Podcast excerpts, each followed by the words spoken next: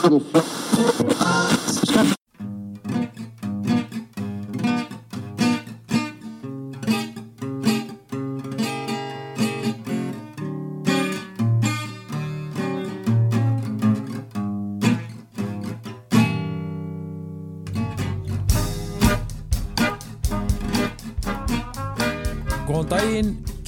Hlustendur og verið velkomin í samtal við samfélagið hlaðvarp félagsfræðinar. Guðmundur Oddsson heiti ég og er dósent í félagsfræði við Háskólan á Akureyri.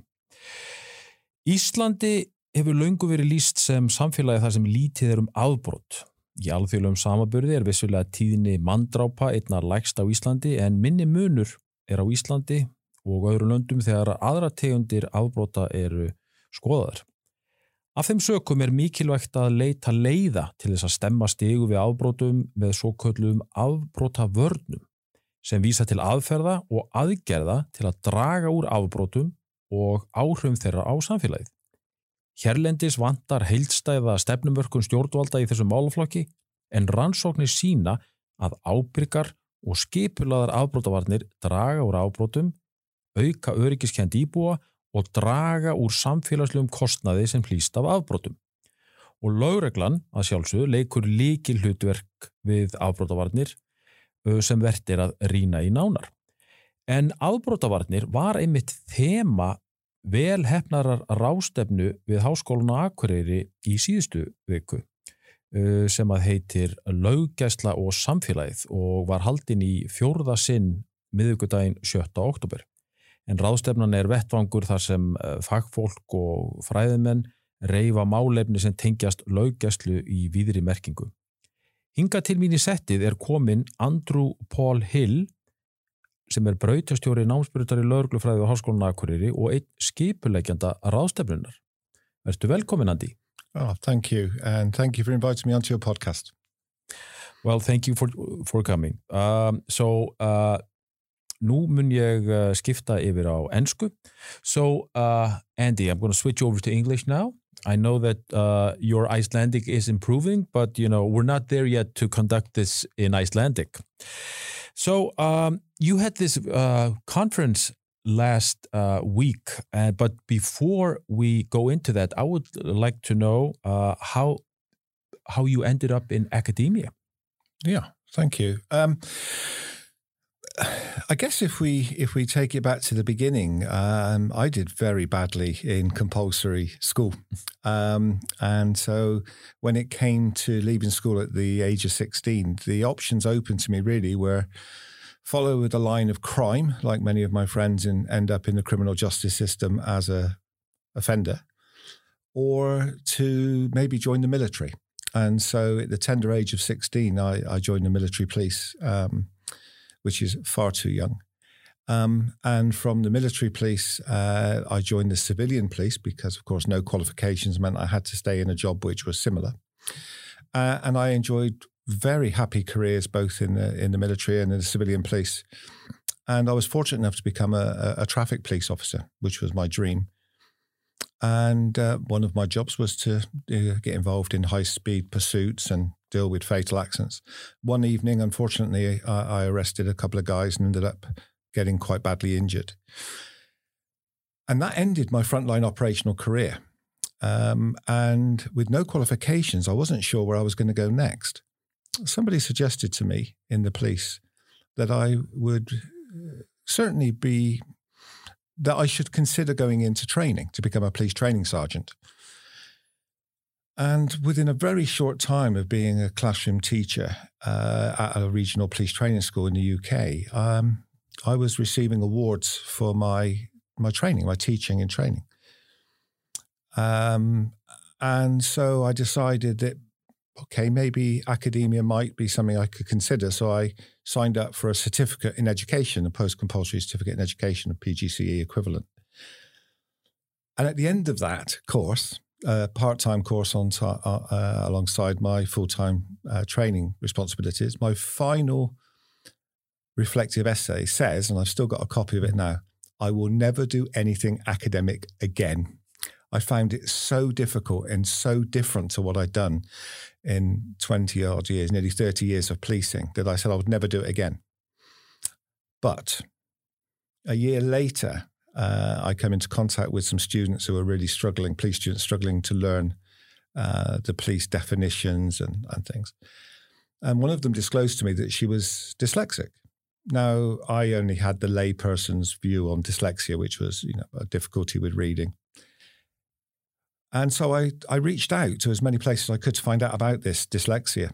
And I was fortunate enough, serendipitous really, to meet a, a university professor who said, Yeah, I can help you with this, but if you want to, you can sign up for a course with me. And uh, then I lay down to him. Of course, I had no background, no qualifications to get me to university. But having written on that reflective piece that I'll never do anything academic again, he signed me up for a master's degree in police teaching and learning. And I was able to, to write my, effectively most of my own program for the master's degree.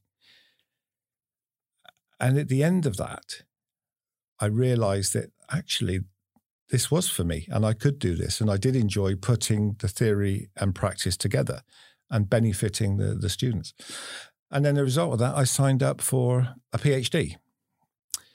And it was uh, within probably the, the middle part of my PhD that um, there were major problems in the UK in the police training centres where I was a, a training sergeant. There were six of them. Um, there was a BBC undercover report and also the Stephen Lawrence Inquiry report found that racism, uh, sexism, etc., in the police service were rife, were a major issue and the British government decided to close the police academies, the police colleges. And uh, I was invited to uh, apply for a job as a senior lecturer at a police at a university to establish the first police university education. Uh, so, police uh, a diploma equivalent for police officers to study to become police officers in the UK. Having made the massive decision to leave the police, I took up my post as senior lecturer and very quickly became program director for a total of five undergraduate programs and supervising masters uh, and PhD students. And in 2016, having been a tourist in Iceland, I saw a job advertised um, inviting applications for someone to come to Iceland to help with the establishing of a police education program here. So, having done it in the UK, I thought, I'll give it a go. I applied not expecting to be successful. But on January the 6th, 2017, I arrived in Iceland. And sorry, it's a long story, but that's how I got here. Yeah, the rest is history. yeah. well, uh, and uh, you uh, had been to uh, visited Iceland many times as a tourist before you uh, took your position here, right? Yeah, absolutely. Um, uh, I fell in love with the country as a tourist. I, obviously, it's a bucket list thing for many people outside of Iceland to to come see the Northern Lights, to see the whales, to see the fantastic landscapes and scenery. And so my my wife Audrey uh, booked us on a surprise flight to come. And once we arrived in the country in October, um, we fell in love. And so we fell in love with the country and we came back then on average twice a year for the next five years. Well, that's, that's great. Well, you know, uh, you started the police in what, in the 1978? Yes. So, so you had a long career within the police. Absolutely, yes. And that was unbroken. So I joined in 1978 and I did not take any time off between leaving the military police and joining the civilian police. So I literally went from handing my uniform in, my military uniform in my weapon on the Friday and I started my police education, civilian police education, on the Monday. Okay. So I've basically gone through, fortunately, um, my, you know, a military police career and a civilian police career unbroken for about thirty-one years. Thirty-one years. Well, uh, tell me, uh, when you were in the military police, I presume that you served abroad. Yeah, absolutely. I, I was fortunate enough to to serve uh, both in the former West Germany. So if you, you know, the youngsters listening to this will know of Germany, the you know the the post uh, eighty nine Germany. But uh, yeah, I was stationed um, at a place called um, Bergen-Hohne, which most people won't have heard of. But if I tell you the other name for it, and that's Belsen, where the concentration camp was. So I had two and a half years stationed at Belsen in West Germany. and many of the many of the um, buildings from the Second World War are still intact and still used by the military. That was very interesting living and working there.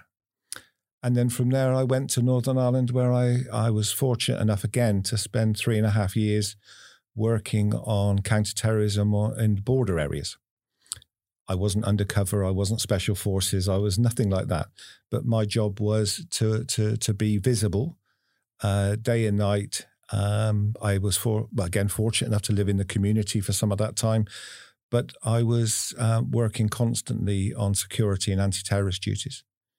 Um, and I actually left the the military police at the end of that posting. Uh, I decided that um, soldiers were required to spend six months there. Military police were allowed to do two years, but I was extended to three and a half years. And uh, there's no need to go into the fine detail of that, but I enjoyed what I did and they liked what I did. But of course, that carries challenges. Uh, you know, unfortunately, uh, I lost some friends through bombings and shootings and suicides. And so it gave me a a very a very um, deep insight into the human psyche and and what humans can do to other humans and the importance of human rights and the importance of treating all people with dignity and respect, whether you agree with them politically or religiously or otherwise. And and that actually opened my eyes. I think that socialization helped me to become a better civilian police officer, but also to become a better academic. Yes, and uh, I was going to point that I was going to um, uh, follow up on that you that you have a very varied uh, experience and diverse experience within the police that you know you can draw on uh, in your teaching uh, at at the university. So um, going back to your dissertation, uh, so you did your dissertation on dyslexic uh, police officers, right? Yeah, absolutely. Um, so, um, what people in Iceland might not know is that um, there was a change in uh, British uh, legislation which allowed for people with all forms of disability, including developmental disabilities, so dyslexia, dyspraxia, mm. ADHD. The, the, the police for centuries sat outside of any uh, anti discriminatory legislation. But um, the uh, law changed in the UK whilst I was serving as a civilian police officer to include police officers in disability discrimination legislation. And what we found is that people who were wheelchair users or visually impaired or hearing impaired wouldn't apply to become police officers. And so the legislation was mainly aimed at people with those conditions. However, what we found is that people who are dyslexic or dyspraxic would apply to join the police service, but were refused entry because of a perceived disability. And dyslexia was included in the legislation for the first time. And when the scope was expanded to include police officers, the police services, many of them, but not all, discriminated. They refused to employ them or they refused to make reasonable adjustments. And officers were often bullied and forced to leave. And so um, what I should have said earlier, perhaps, is that during my master's degree, during the three years that I studied part time for my master's degree, I was identified as dyslexic, even though I had no idea. I had no suspicion. And in fact, I was so concerned about it that I thought maybe I'd spent so much time around in supporting dyslexic people that maybe I'd started to behave that way. Hmm. So I went six months later for a second independent assessment, which I paid for myself. And both of them confirm something now which I believe in and own, and that is that I am very dyslexic. So um, what would happen is people became aware of my my my master's degree. They became aware of my work at the police training centre as being the dyslexic guy, the guy who would not be in dyslexic, but the guy who would help learners mm-hmm. to to manage their dyslexia in their education. But once they finished their education, once they finished their training and they went out on the streets and they met this discrimination, this prejudice, they met this these barriers, um, many would contact me and say, "Can you help?" And so I decided in discussions with my my supervisors uh, at the sorry my my colleagues at the university who then went on to become my supervisors that maybe this would be a good area to to study uh, for a PhD for a dissertation. And so what I did is um, I interviewed um, 35 police officers, all of whom were dyslexic, um, about their experiences of being dyslexic in the police service in the UK. And it started with their recruitment right the way through to their promotion. So this was, although it was a cross-sectional study, um, the the things I was uh, exploring was about their experiences over a long period. And of course, I know that's subject mm-hmm. to their memory and things. But but what I got there was some very rich accounts and quite distressing in some cases stories from these officers that the bullying that they experienced in the the um, the, the the threats of employment tribunal. And and so what I found is that this discrimination that uh, that some officers were reporting to me was widespread not just in the 35, but the 35 then through snowballing connected me with many other people who I couldn't include in the study. But the stories became thick and fast. And in fact, it's now 2021, and already this year I've probably had 10 requests for help. Um, and I completed and uh, defended my, my, my dissertation in 2013. And even now, I'm still receiving monthly requests for help. Yes. So, so, so obviously, you your study, you know, hit a nerve and and uh, and identified a real problem, uh, you know, and uh, yes. So uh, if we move back to Iceland, you know, you came here in in 2016, 2017, 20, as, 2017, yeah, January the sixth, 2017. Yes, and uh, and took over as uh, program leader of uh, of the police science program uh, at the at the, at the University of Akureyri.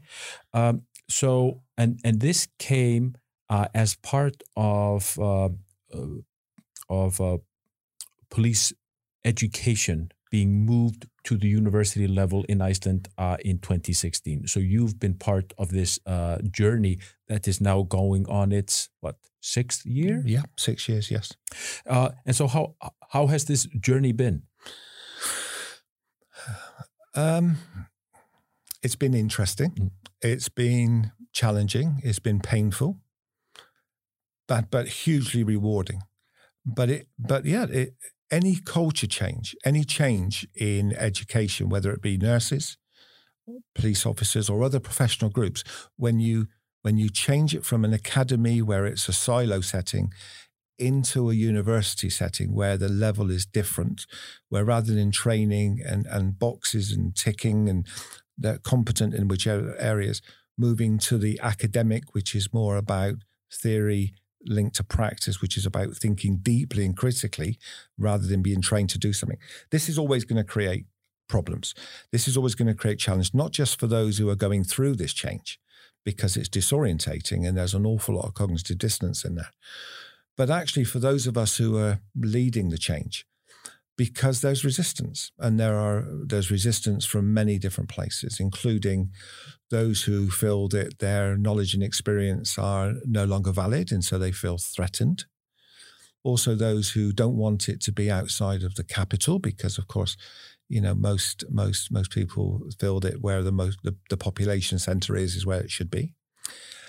But in terms of um, challenges they're not it's not just challenging. There, there are some huge rewards. I just received an email last night from a student thanking me for helping them to change the way they see things. Now, these emails don't come through every day, and I'm not suggesting they come through every week or month, but they come through because what we're doing is we're not telling them what they've what they learned before or that the practical training is no good. What we're doing is preparing them for the future of policing. We're not changing them. We're not preparing them for the past. And just because they say, well, we don't deal with that, doesn't mean that they won't deal with it in the future. So, in terms of how do I feel about mm. it, my experience, it's it's mixed. That I'm still passionate about assisting in bringing change. I still care passionately that policing should be at the university level in every country, not just in Iceland. But I also recognize that there is resistance and there will continue to be resistance, not just because of where the university is, but because it's a university and historically police have always seen themselves as working class or blue collar. Mm. But the world's changed, and society's demands and expectations and political change means that the police cannot continue to be the police as the way they were. Exactly, and uh, and, and as you mentioned, you know, uh, the the the job or the occupation uh, of uh, or profession of uh, policing has changed dramatically over the last uh, 30 or 40 years Mhm. And and there are a lot of challenges that the 21st century uh, brings you know that requires critical reflective practices that you know belongs uh, at the university level uh, and we see that in the countries around us that uh, uh, police education has been moving to the university level uh, in many countries in Europe. If we look to the other Nordic countries, you know, Sweden, Norway, Finland, uh, uh, all have uh, their uh, basic education uh, at the university level, and and our neighbors in Norway have had it for I think 29 years. Yeah. Uh, and, and there and in Finland, uh, it's a three-year uh, BA degree. You Yes. know, here in Iceland, it's a two-year uh, diploma Mhm. with an option of doing a third year in BA in um, in um, uh, in police science. Yeah. Uh, but but yeah, th- that that is a big change.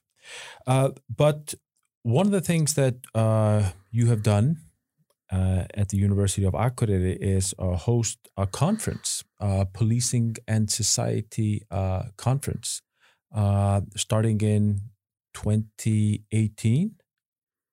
Yes. and- Yeah. And and you recently uh, hosted your fourth policing and society conference uh, on on October on Oct- October sixth, and the theme there was on crime prevention. Yeah. Uh, can you tell me something about the conference? Yeah, absolutely. This um, was the biggest conference um, by far, and uh, I believe from the feedback from from delegates, from students, and from presenters uh, and others, that this was by far the most successful conference to date. And of course, that is a team effort. There was, you know, there was um, some some strong leadership from within the team for that. Um, the the the theme of crime prevention of course, is very broad, but it links back to the very essence of what it is to be a police officer. Police officers sometimes have this idea of, and people and public have this idea um, that that policing is all about chasing the bad guys and uh, and arresting them using handcuffs, the sirens, and you know it's very sexy, very exciting, very Hollywood, very very you know US uh, TV, but the reality is that since the new police were formed in, in 1829 by Sir Robert Peel, it's been well documented. That's in the UK, but of Mhm. course it's well known internationally. Um, that that part of the role of the police is to prevent crime, yes, and the detection of crime, Mhm. but it's to prevent crime, and and that's often missed. That's often overlooked because the focus is on, you know, the chase. It's on the the the, the getting the bad guy. Um, and so when the green the, when the, the theme was suggested, it played naturally into what what what the police are about. And we know from the the curricula of the police university programs in Norway, Sweden, and Finland that crime prevention is a huge theme. It's, it's a huge part of their initial education. And so the theme here was spot on. And in fact, the the, the very broad uh, range of speakers uh, were able to talk about a wide range of issues that all spoke to the theme of crime prevention. And and there was one area that I didn't hear, but I would like to have heard, and and maybe that's for a future conference, and that's around crime prevention or a crime prevention approach to police corruption, and and maybe that did come up, but uh, you know we had forty two 48. Oh, my apologies. I was 48 presenters, you know, and, and that was in four rooms. And this was, as I say, a huge conference. And, and, and so the, the, the diverse range of, of, of foci of, of the presentations was just incredible. And in fact, I'm really looking forward to listening and watching the recordings. And we were fortunate enough to record them. So, so there is so much to be learned from that. But crime prevention as a theme was, was wonderful the attendance i think at one point we had about 150 Mm.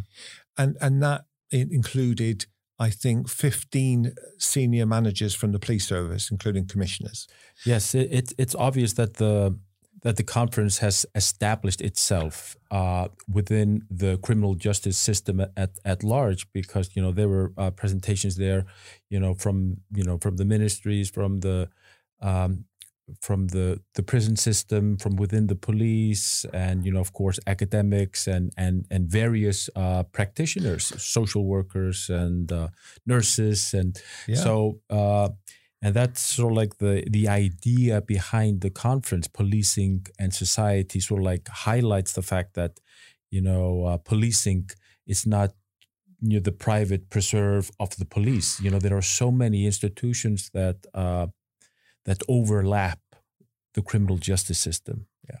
Yeah absolutely. And this is something i teach the new police officers very quickly in the profession of policing course that i lead is that what happens in iceland isn't law enforcement it's policing. And within policing is law enforcement, mm. but it's not the whole part. And, and pl- the police cannot operate in a silo or in isolation. Maybe historically that's been felt to be the case, but they don't. They're part of the criminal justice system. And every part of that system has its place in terms of crime prevention. Um, so there's another part about the conference which I'd like to mention, if you don't mind, and and, and that feeds into this, and I hopefully will speak to this, and that is that historically, research has been done on the police, research has been done to the police, conferences have been held about the police, and policing has not been part in in the UK and in Iceland has not been part of the academy, uh, the the university setup. It's always been things that have been done to the police. And since Neyroud um, um, talked about this 10 years ago, there has been this shift. So rather than work being done on the police, research or conferences about what the police have done, now the police are part of it. Now, the, now that police educations at university level, they've got a seat at the table. They can make a contribution. So, as again, Neyroud, Peter Neyroud talks extensively about pracademics. Mm. We have pracademics in nursing, in teaching, and now we have them in the police. Those people who are academic in their thinking, in their approach, but they are in practice. And that's what a pracademic is. And that's what these conferences are demonstrating for me that you are getting people like Rich Honess from, from the UK. He is a police officer who is also an academic. And, and whilst there's a long history of that in nursing, this is new to us in Iceland. This is new to us in policing in particular. And this is, for me, a sign, an indicator that we're in the right place, that we are progressing that we are bringing in more academics, more police officers are coming up to the conference and seeing it as their conference and not a conference that's being done about them but being done with them and for them. Exactly. So so you mentioned uh, teaching and nursing uh, who are also professions mm-hmm. you know that were moved to the university level uh, in iceland uh, a couple of decades ago. I think it's probably coming up on 30 years or so for uh, for nursing.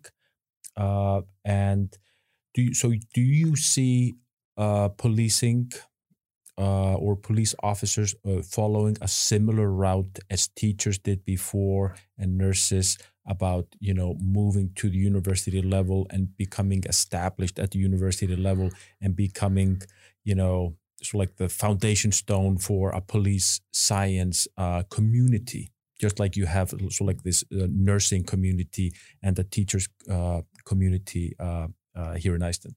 Yeah, I do, but I also so yes, I do absolutely no no question I do. But I'm a realist in many ways, and this is where I think realism sort of hits home hard. We are only five or six years into a program. For nursing, even the most optimistic um, reflections tell us that that it took about a decade to get the the programs established and set, and then maybe another decade for it to become the place where you get this body of knowledge. Mm-hmm. Um, I believe we're at a very early stage, but we're in a very positive place.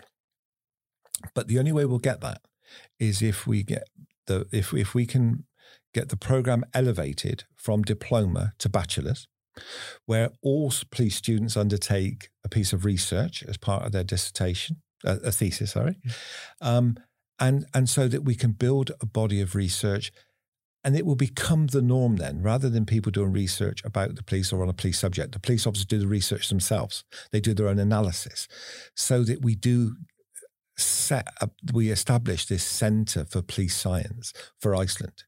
And we have a centre of what works.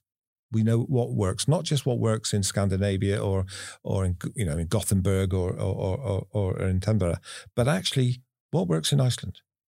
And and that will come from having the confidence in the academic police science program and the establishment rather than being distrustful of this this science stuff well actually you know science informed practice eh, and evidence informed or evidence based practice has its place not total but it has its place yes so so so when you say that uh, uh, you are thinking of uh, how they, for example, do uh, police education in in Norway uh, and Finland, which you know in in many people's minds are the gold standards uh, when mm -hmm. it comes to uh, police uh, police education.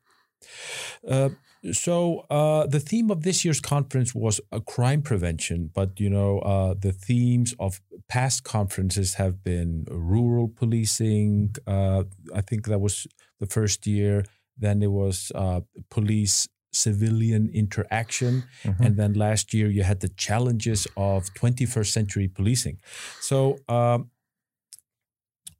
so when you come up with these uh, themes for the conferences, um, is there something per, like particular that you guys have in mind? Well, yeah, we discuss it as a team. We the the program team we discuss. We talk with our colleagues from MSETL. And and MSETL is the police prof- police training and professional development unit, uh, which provide the which which yeah deliver the practical training from Reykjavik, mm-hmm. and they are our partners in delivering the police education and training program here at the university. Um, so we discuss widely with them uh, and broadly the the possible themes. We do some environmental scanning. So mm. we're looking at what's in the media, what's in the news. We're looking to see what is relevant, what would be interesting for the police in Iceland. And what do we want to bring in outsiders, outside experts, uh, as well as people from within Iceland, within the police service, the union? Um, what what's what is of interest to them, what's current, what's relevant to them, and then we discuss and agree on a theme. Uh, yeah. Uh, and but but I have to say, the rural and remote policing, our first, was led to research that you and I participated in. So or conducted, not participated. We conducted the research. So yes. Uh, so uh, the rural policing uh, uh, studies that you know came out this year that that you and I and and and, and Thoroddur Bjarnason did. You know that was sort of like an outgrowth of uh, of of one of the conferences, and uh, and that also speaks to some of the challenges of in particular Icelandic policing, but but even more rural police officers in Iceland and and the and the and the results of that study have, have, have uh, you know obviously gotten quite a bit of uh, media attention. Mm-hmm. Uh, but uh, you your, yourself, you were a rural police officer uh, in the UK, and and you did most of the interviews uh, for this study. You know, are there, is there anything that sort of like sticks out? You know, you know, in terms of similarities between your experiences being, you know, a rural police officer in England and then and then what you heard from your interviewees here in Iceland. Yeah, there, there, there were some similarities which surprised me. Um, the the feeling of uh, of being the representative of the state in the community and not being off duty because I lived in a rural community um, before I became a traffic cop. In fact, it was a condition it was a condition of becoming a traffic cop that I would go and work in the rural area because nobody wants to work there. Mm-hmm. So it was the carrot and stick, and mm-hmm. I took the carrot. Um, but I would sometimes wait for 25 minutes for backup to arrive if I was dealing with something um, in good conditions. And when I when I was interviewing the the officers around the country, 25 minutes would be considered a fast response. In the UK, it would be considered a very slow response, no matter where you were. And so, it, it, what the research, what the interviews told me was that, well, actually confirmed for me is that these officers are not general police officers, they're specialists because they can't yes of course they've got mobile phones yes of course they've got access to radios and things but but they are on the ground and they're on the ground all the time. They go to the store. They they they go to the bar. They take their children to school. They are the visible representation of the state and so they're always on duty. And and so they they their days off are not really days off in some cases in, in many cases. And if something happens people look to them. And and so their knowledge and their ability to communicate rather than reach for the baton or the gas or the the the, the other the other uh, device is is is is less of a priority for them the negotiation the the the, the old Peelian pr- principles you know the persuade advise and warn is their approach because often, but not always, they have time. And that was the other thing which linked me to their experience with my experience was the, or connected the experiences was that when I worked in the rural, I had time. I had time to negotiate. I had time to talk people down. I had time to sit down and have a cup of tea with someone and learn what the neighbors are doing or who's dealing drugs or who's driving with the wrong tires. And so when, when I started the interviews, I was very careful not to put my own experience on the table uh, and to, to judge everything that they said through my own lens. And, and, and what, what came from that research, what came from all those interviews was uh, what was already respect was an increased level of respect because I got cut off for three days once in the UK because of snow in this rural area. And this hasn't happened since. This happened just three days and we got off by snow. This is a frequent occurrence in winter for these officers. But for me, for those three days, this was for many of the people in the community the end of the world. But life goes on. And these officers, if they're snowed, on, snowed in, they're not just police officers. They represent much more than that yeah. to the community. So I saw them, the result of the interviews and during the interviews, my level of respect for them went through the roof. Yeah. But also that that I I I I saw them as what I believed them to be is is a specialist, just like a detective is a specialist. Because of the the the the the, the work they do and how they're required to do it. It shouldn't be for every police officer. To be taken into the countryside to work outside the capital should be seen as a promotion rather than as a well they're just going out into the countryside just to just to cut the grass and to feed the sheep you know i i i I, I really do feel strongly that they are experts uh, and specialists. Well, you mentioned that. Uh, well, we mentioned that in one of the articles. We talk about specialized generalists because they have to be jacks of all Jacks and Jills of all trades, as yeah. uh, to speak to the title. Mm-hmm. Um, but you mentioned uh, response times, and you mentioned that 25 minutes, you know, would be considered awfully long in the UK, but here, you know, sometimes it would be actually quite good. Um, and that speaks to the understaffing of the Icelandic police. Uh, uh I think within the OECD countries, uh, Iceland has the second fewest officers uh, per capita, and that is an issue uh, that I know that um, weighs quite heavily on on on the police, and and we hear it uh, from from students as well. What are your thoughts? You know, uh, on the alleged understaffing of the Icelandic police. Is this a real problem? If we listen to the voices of the officers and their union, then yes, it is. If we think about it in the context of police officers being professionals and human beings, then it really is. Mm. Because this off, you know, I'm talking now predominantly about the rural areas. Mm. That you know, these officers are often working alone. And support being so far away, supervision can be two hours away if we're looking at uh, Sutherland and we need to think about their health and mental health and their well-being. And so increasing the numbers doesn't mean that we will suddenly become an occupy have the police as an occupying force or as as a as a as a as a quasi military force, but actually, the officers need support. And in order to meet the needs, not just of the community and society, but to meet the growing needs of, of, of, of crime and the different forms of, of offending, to, to meet the needs of, of community safety and support and confidence, to address crime and transnational crime, there needs to be an increase in numbers, an increase in specialization, and an increase to support those officers to achieve those aims.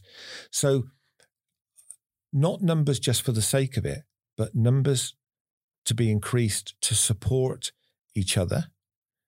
Because when you're a single crewed officer, when you're working on your own in the rural, stopping a car with three or four people in it is harder than when there's two of you and there's three or four in the car. The com- and there's some research out there that shows this that police officers who work alone single crewing cars are less likely, not in Iceland, this is, you know, international research, are less likely to stop a car with three or four people in it uh, than when they're double crewed. And also that double crewing, that having a colleague with you, it is a form of support. It is a form of backup, knowing that if something happens. And in fact, in one of the interviews that, that, that I conducted, uh, one of the officers took his dog, a police dog, with him, and felt that that police dog was like having a colleague. Uh, and and so the feeling of isolation, especially in winter, plays a part. We're not talking about thousands of more officers and, and becoming a police state, but imp- increasing the numbers, especially in the countryside, to support those officers, to help those officers support the communities, to address the, the, the growing and complexity of crime, and also to help to respond to natural disasters.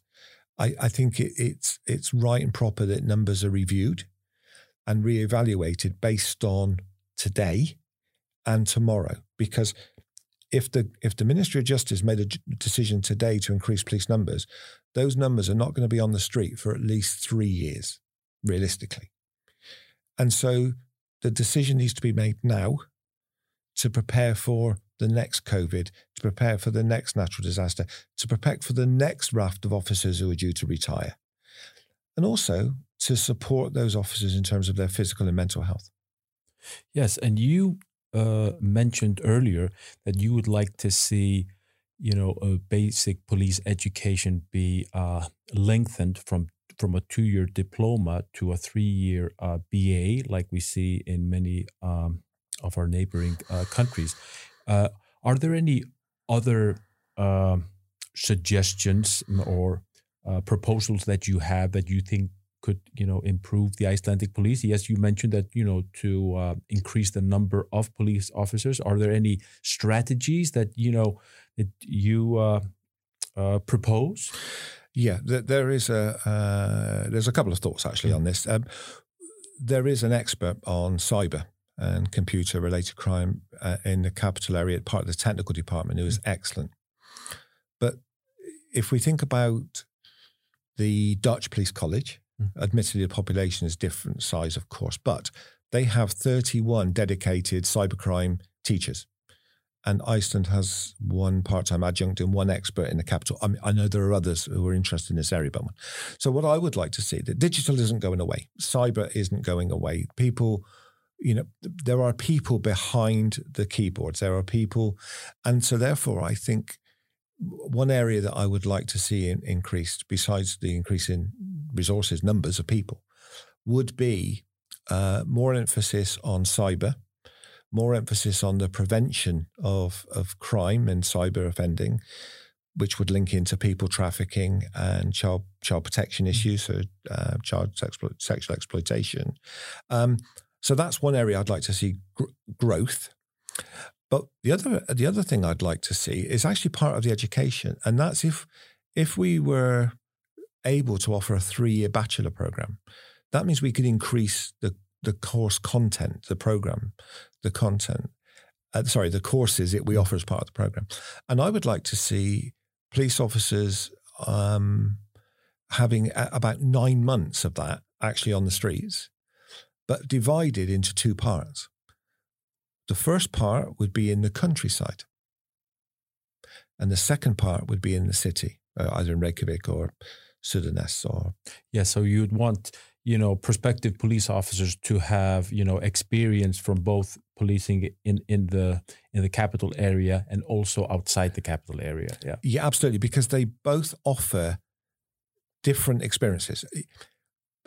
If you spend all of your life policing a busy city, the rural just seems like slow and backward and not really exciting. But if you if you go to the countryside first and you see how rural officers communicate and engage with their communities and citizens, they don't reach first for the baton or the gas or the gun. But what they reach for, first of all, is maybe a cup of coffee and sit down with the person. Again, I, I just go back to what Peel said in 1829 because it, it's still relevant today. The policing, police are about persuading, advising, and finally warning. And that's not always possible if you're confronted with a knife or a gun. But what we should do is try to adopt a persuade, advise, and warn. We should hmm. seek con- the support of the public through negotiation, through um, persuasion. Yeah. Persuade them to change their ways, persuade them not to do something, and then advise and warn. And that means that we're doing more of the crime prevention stuff. And it also means that we are going back to the foundations of policing, which is about keeping the public safe and building confidence and trust and legitimacy of the police. Yes. And we do that, I think, we start by doing that in the countryside because that's where you cannot keep reaching for hmm. those things. Not that all police officers do, but a small minority do.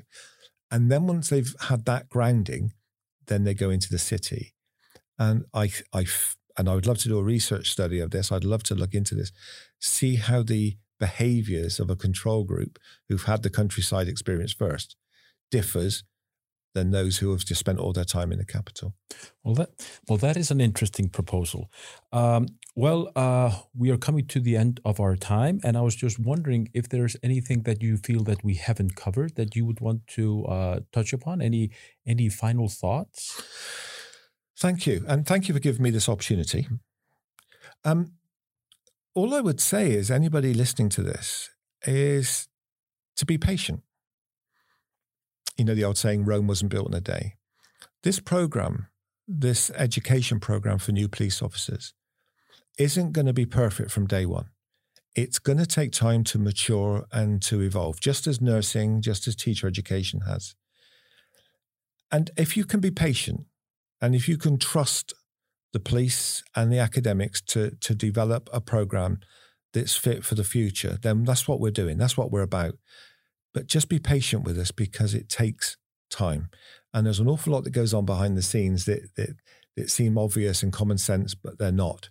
So have confidence that we are every day striving to make this a program that's not just fit for purpose, but a gold standard we are looking to develop a program that is beyond fit for purpose, but it's going to take time.